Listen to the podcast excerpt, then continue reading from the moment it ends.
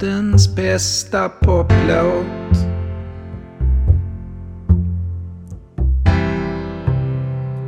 Världens bästa poplåt.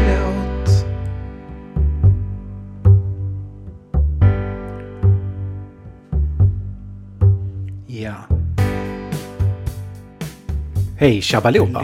Världens bästa poplåt handlar om förändringar och vad är mer förändringar än fantastiska coverversioner på låtar som ibland inte är lika fantastiska som nyversionen är. Den här gången handlar det om en låt som är enormt mycket bättre som cover än den är med den ursprungliga artisten. För med den ursprungliga artisten är låten på gränsen till förfärlig. Men i andra händer blir den till rent och glimrande guld. Vill ni ha fler helt objektiva, subjektiva värdeomdömen så finns jag här för er och vill ni stödja mig i den verksamheten så kan ni bli Patreon på Patreon. Länk finns i närheten och annars hittar ni mig lätt genom valfri sökmotor. Nu kör vi!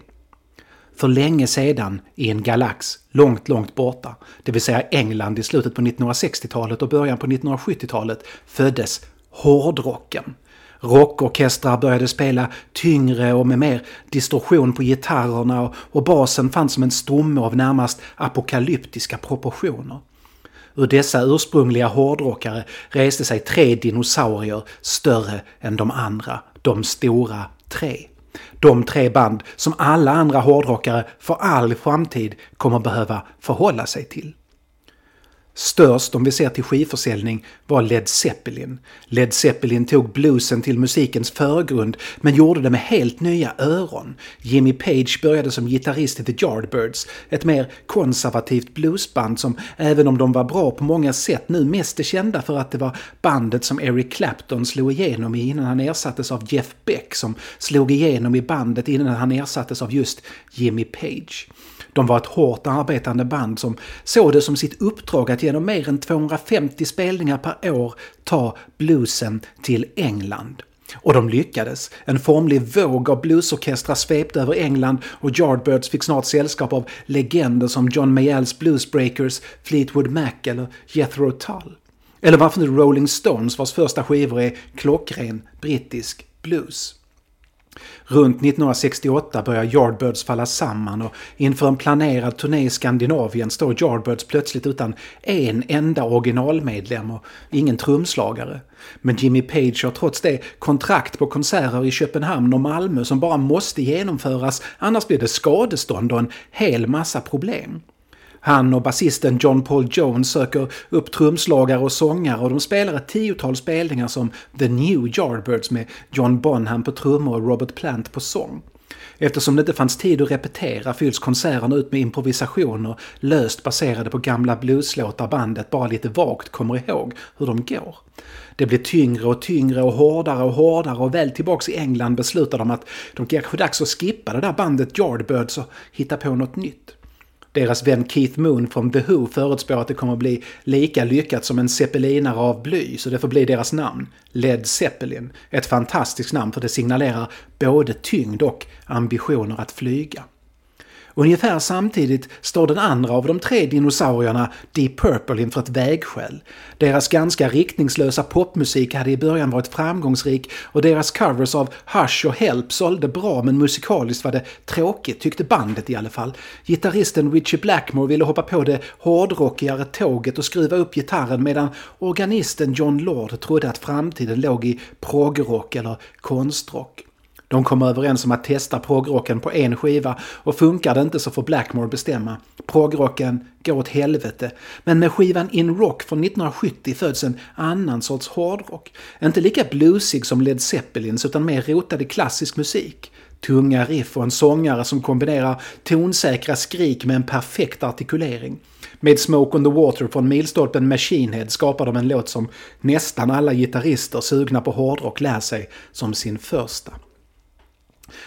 Det viktigaste av de ursprungliga stora tre för hårdrockens utveckling är utan tvekan Black Sabbath. De andra nådde större kommersiell framgång men när det gäller att influera andra så är Sabbath ohotade. De var en perfekt kvartett. När det kommer till kvartetter så är det Sabbath eller The Beatles som gäller. Men där The Beatles på många sätt var tre låtskrivare som i alla fall efter de första åren mestadels arbetade var och en för sig och sedan gjorde arrangemangen ihop var Black Sabbath ett band som skrev, levde och spelade tillsammans. När det gäller trumslagare i rock'n'roll-branschen håller jag Black Sabbath Bill Ward som ohotad etta. Visst, Ringo var unik och fantastisk och kanske inte hårdrock utan på Helter Skelter och en av Bill Wards stora förebilder var han också. John Bonham från Led Zeppelin var såklart enastående men Bill Ward kunde som ingen annan både hålla den hårdrockiga musikaliska stommen tillsammans med basisten Geezer Butler för det mesta och kliva fram som närmast solist lik The Who's Keith Moon.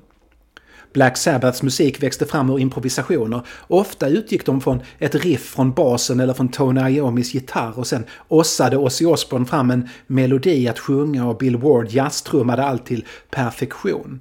Black Sabbaths fyra första LP-skivor tillhör de mest spännande, bästa och varierade skivor man kan höra i, i genren. Eller alls för den delen. Men den tredje skivan Master of Reality börjar låtarna ta slut och den fjärde skivan får bli en som de mer eller mindre skriver på plats i studion. Sådant kan fungera, men oftast blir det sämre när band spelar in musik de inte testat för publik innan. Sabbath klarar det på Volume 4 som skivan kommer att heta, men bara nästan hela vägen. För första gången känns det som att det finns utfyllnadslåtar på skivan. Mest uppenbar är den korta ljudeffekter på syntarlåten FX som kom till med det uttalade syftet att göra skivan så lång att den fick säljas som LP och inte som EP. Det finns en uppenbart skurklåt till på skivan, men resten av den är så pass bra att helheten ändå är bland det bästa några människor någonsin gjort. Gitarriffet på Supernaut till exempel, inspirerat och enastående, det är blues och den tunga rock Black Sabbath gjort sig kända för samtidigt som det pekar mot den amerikanska radiometal som ska dominera hitlistorna på 1980-talet. Frank Zappa störde sig så mycket på det att andra band så tydligt plagierade hans favoriter Black Sabbaths gitarrer att han sammanfattade alla hårda hårdrocksriff någonsin efter Supernaut som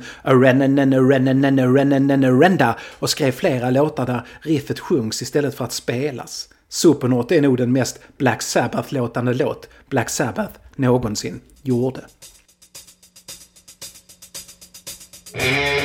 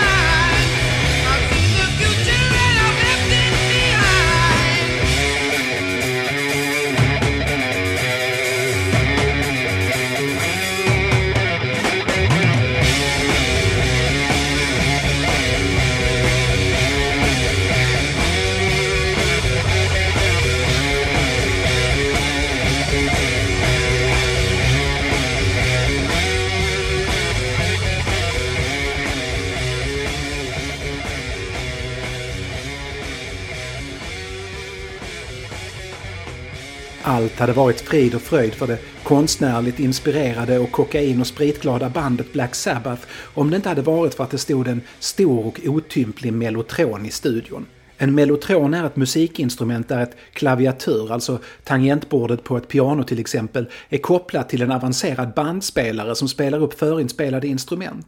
Den mest kända mellotronen i musikhistorien är troligen den som spelar det blockflöjtsliknande på Strawberry Fields Forever. Det var roligt att leka med mellotronen tyckte Bill Ward. Han tyckte att bandet borde använda sig av mellotronen på skivan och för att kunna låta mellotronen skina behöver de skriva en ballad, helst en utan trummor.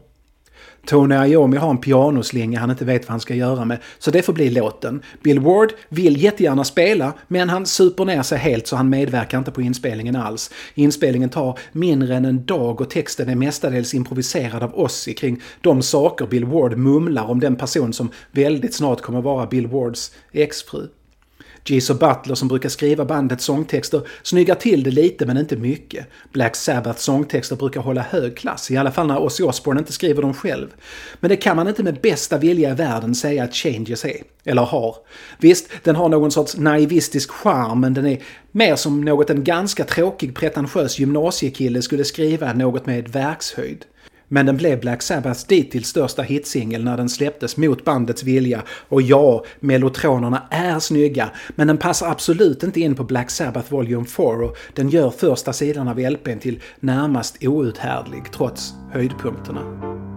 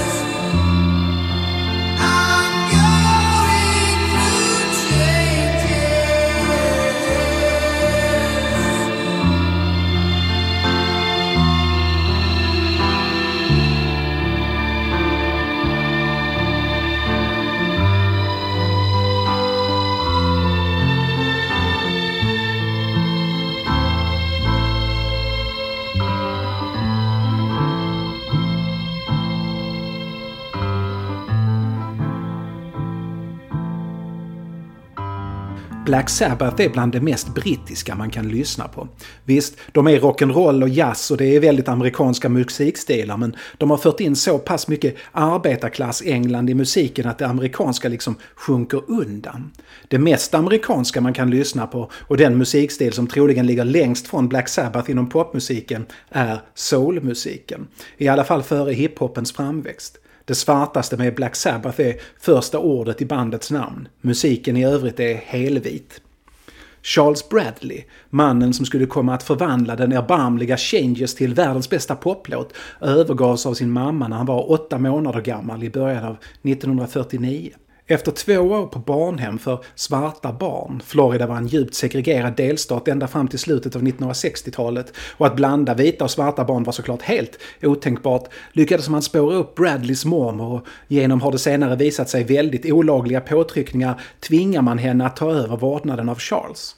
Charles har ett bra liv, säger han i intervjuer långt senare, i ett litet hus vid ett träsk med krokodiler och bra fiske. Mormor sjunger religiösa låtar och lär honom psaltaren i bibeln utan till. Mormor berättar också om de afrikanska religionerna som många har försökt bevara över generationerna sedan de togs som slavar och tvångsförflyttades till Nordamerika.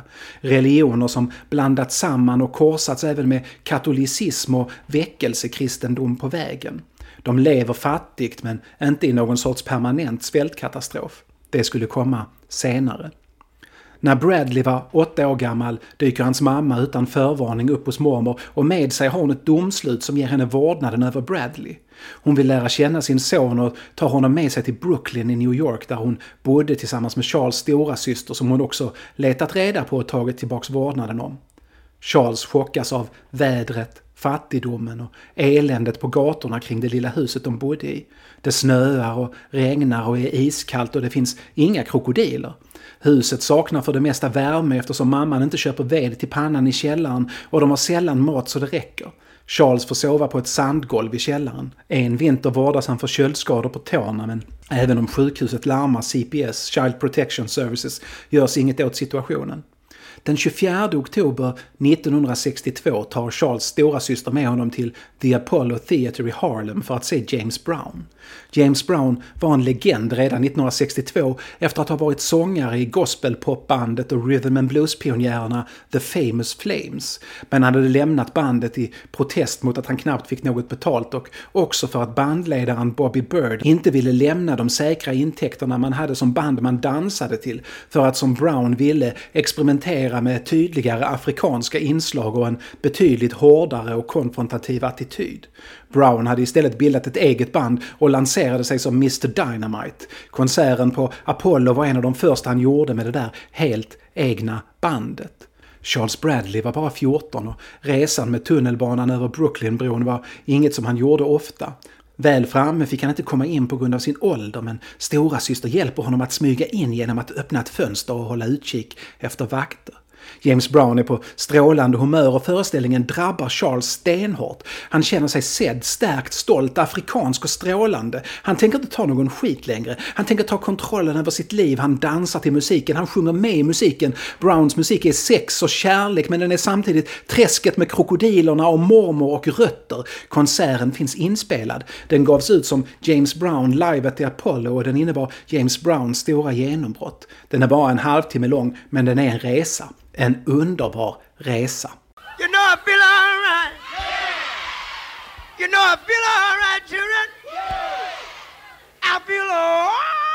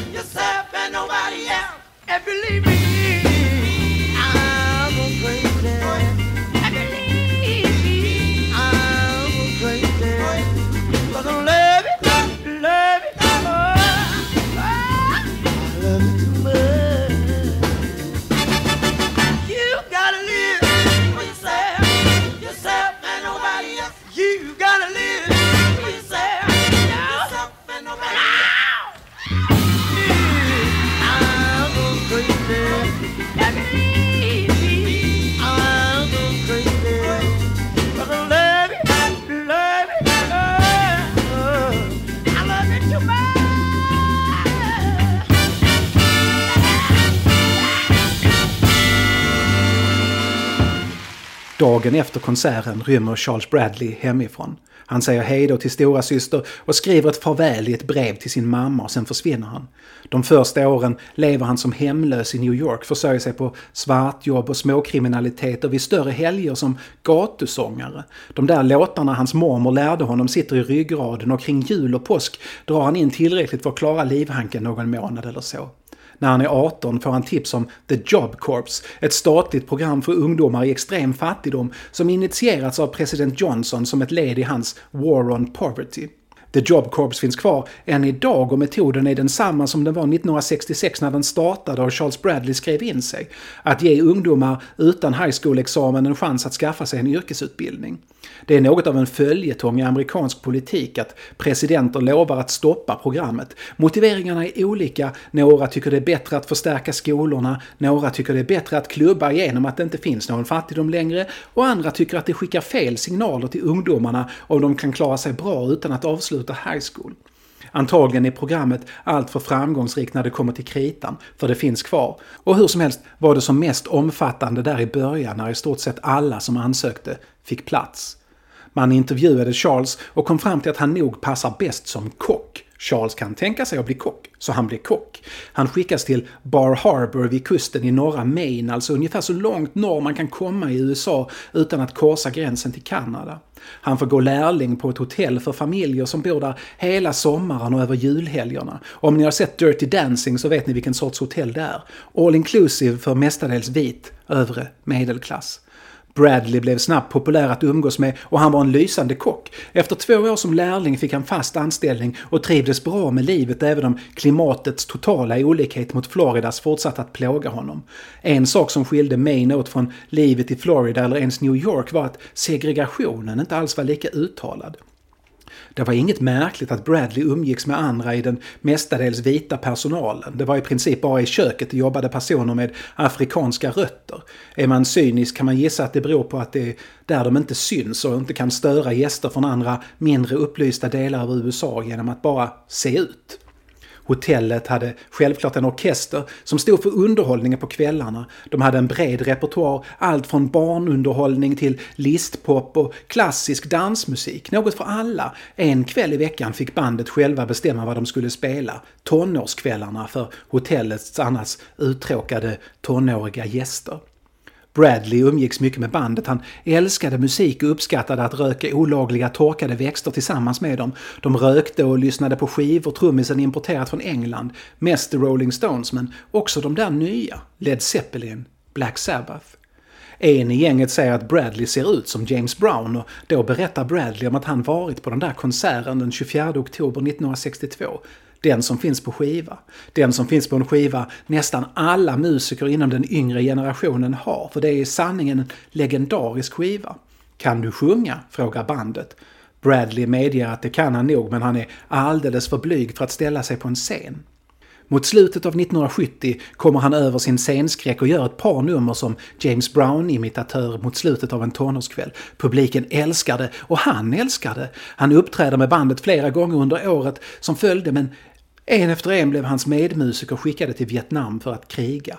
Och de nya musikerna som anställs delar inte de gamlas kärlek till soul och hårdrock. Det blir inga fler James Brown-kvällar. 1978 har Bradley tröttnat på Maine. Han vill se och uppleva Amerika. De nästa 18 åren liftar han omkring, bor sällan mer än ett par månader på varje plats. Han försörjer sig som kockvikarie och ibland sångare. Han lyckas arbeta i alla delstater utom Hawaii, även Alaska trots klimatet. I mitten av 1990-talet får han ett samtal från sin mamma där hon ber honom att komma hem till Brooklyn. Hon är inte frisk och hon vill få en chans att lära känna honom innan hon dör. Han reser dit och bosätter sig där permanent. Bradley är nästan 50 år gammal när han för första gången lär känna sin mamma på riktigt. Och han finner det i sig att förlåta henne. Man kan inte bo i New York utan att tjäna pengar, men Bradley har svårt att få jobb som kock. Hans kockeri bedöms vara alldeles för omodernt för de moderna restaurangerna i New York på 1990-talet och de restauranger som faktiskt erbjuder honom jobb tycker Bradley själv håller alldeles för dålig standard för att intressera honom. Han tar jobben såklart, men han håller hela tiden utkik efter något bättre. Och hans hobbyprojekt, James Brown-hyllningsbandet Black Velvet, börjar faktiskt dra in lite pengar. Inte mycket, men mer än han tjänade på att vända hamburgare. Black Velvet spelar på små klubbar, främst i Brooklyn, och under åren i Black Velvet märker Bradley hur publiken och Brooklyn börjar förändras. Det finns mer och mer pengar i Brooklyn och publiken består allt mer av unga vita människor. Han upplever det som kallas gentrifiering från scenen. Unga människor med mer pengar och fasta arbeten köper och flyttar in i det som en gång var de fattigas kvarter. Och med dem kommer pengarna, de förbättrade skolorna och den minskande brottsligheten.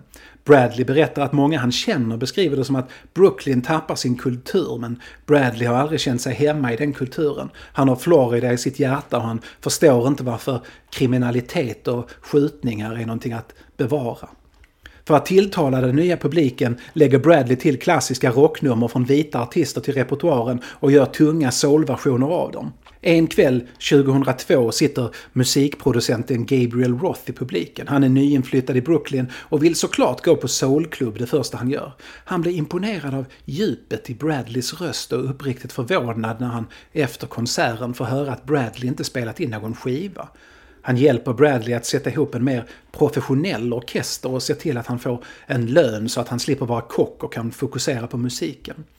The Manahem Street Orchestra växer i popularitet och även om inget skivbolag tror på klassisk soul med vita musiker men en svart sångare som spelar hårdrocksklassiker bland numren kan Bradley för första gången i sitt liv leva någorlunda trygg och med en trygg ekonomi och utan ständig stress över försörjningen.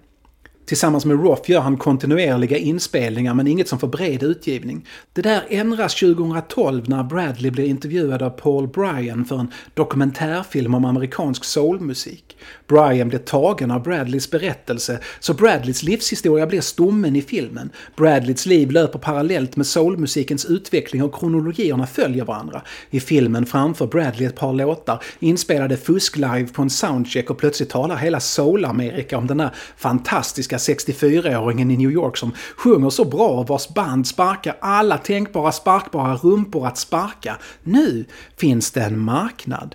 No Time For Dreaming heter Bradleys debutskiva. Den består mestadels av låtar han spelat in de senaste tio åren och den blir en framgång. Skivan hamnar på försäljningslistans topp 30 i USA och singeln Heart of Gold, en Neil Young-cover, säljer ännu bättre. Snabbt ut med en uppföljare och sen snabbt en till. Charles Bradleys tredje och sista skiva i livet, det har släppts mycket efter hans död i cancer 2017, heter Changes och Black Sabbath Changes är den låt som hela skivan liksom kretsar kring. Bradley hade framfört den från och till sedan 1972 men det är 2016 han lyckats träffa helt rätt. På en spelning i Kanada träffar han ett band som spelat tidigare på kvällen, The Budos Band. Budos Band beskriver sig kaxigt som ett av världens bästa doom metal afro soul psykedelia band någonsin och de kan mycket väl ha rätt. De jammar med Bradley till långt in på natten och är det något som doom metal-entusiaster uppskattar så är det Black Sabbath. De är ju trots allt genrens gudfäder. Det är inte ofta de träffar någon som också uppskattar att kombinera hårdrock med soul och afrikanska influenser och de känner också att alla pusselbitar faller på plats när de spelar Changes tillsammans i Bradleys tappning, han gör den med The Budos Band på skivan, får den där tämligen patetiska sångtexten ett djup som den rimligen inte borde ha med tanke på de orden består av. Meningen finns i Bradleys röst. En bra cover är en där tolkaren visar hela sin personlighet och all sin erfarenhet i framförandet och det är det vi har här. Till skillnad från Black Sabbath behandlar inte Charles Bradley Changes som något som kan spelas in snabbt på en eftermiddag och sedan glömmas. när han lägger veckor på repetitioner, på arrangemanget, på att testa inför publik för att få det perfekt. Han lyckas. Varenda takt dryper av sorg och saknad och känsla av själ. Det här är så perfekt det kan bli. Mina damer och herrar, den perfekta poplåten Changes.